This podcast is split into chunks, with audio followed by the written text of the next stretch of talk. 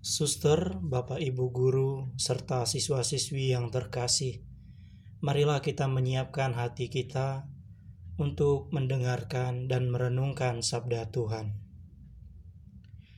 Ya Tuhan, utuslah roh kudusmu kepada kami, agar kami dapat mengerti dan menghayati Injil yang akan kami dengarkan pada hari ini. Inilah Injil Yesus Kristus menurut Lukas. Aku datang untuk melemparkan api ke bumi, dan betapakah aku harapkan api itu telah menyala.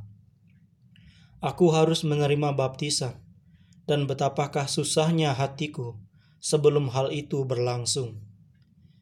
Kamu menyangka bahwa aku datang untuk membawa damai di atas bumi? Bukan, kataku kepadamu, bukan damai, melainkan pertentangan.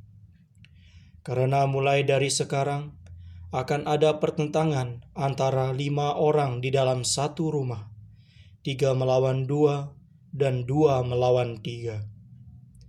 Mereka akan saling bertentangan, ayah melawan anaknya laki-laki, dan anak laki-laki melawan ayahnya, ibu melawan anaknya perempuan, dan anak perempuan melawan ibunya ibu mertua melawan menantunya perempuan, dan menantu perempuan melawan ibu mertuanya. Demikianlah Injil Tuhan. Terpujilah Kristus. Suster, Bapak, Ibu guru, dan siswa-siswi yang terkasih, di dalam hidup ini kita mengetahui bahwa ada kebaikan dan juga ada kejahatan ada kebenaran dan ada ketidakbenaran. Kedua hal tersebut memiliki konsekuensinya masing-masing. Dan kedua hal ini sering kita jumpai dalam kehidupan kita sehari-hari. Yang menjadi pertanyaan di dalam diri kita, apakah kita saat ini berpihak pada kebenaran ataukah kita berpihak kepada ketidakbenaran?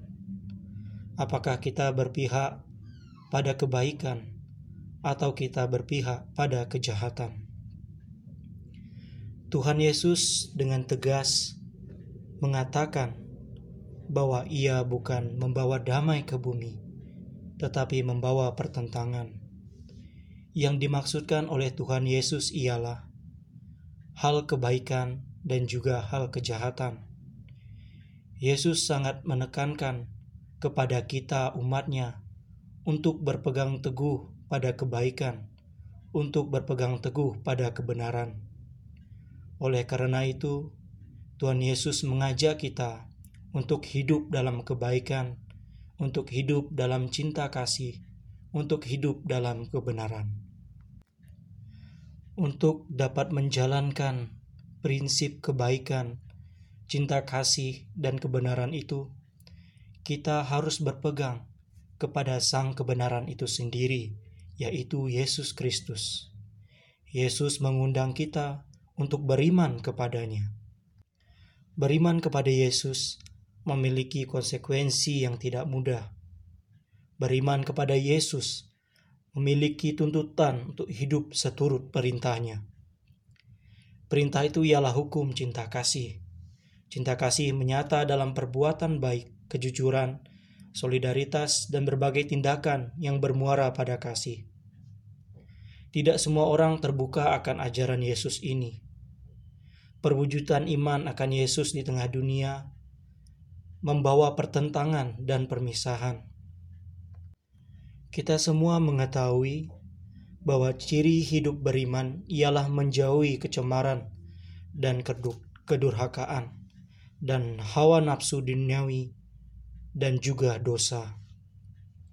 Oleh karena itu Tuhan Yesus mengajak kita untuk tetap berpegang teguh pada kebaikan dan kepada kebenaran. Marilah kita bersama-sama membangun iman akan Yesus agar kita kelak memperoleh hidup yang kekal. Amin. Tuhan, bantulah kami untuk senantiasa mengasihi Engkau, untuk senantiasa hidup di dalam kebaikan, dalam cinta kasih, dan juga dalam kebenaran. Bantulah kami untuk dapat menjadi saksimu bagi banyak orang. Amin.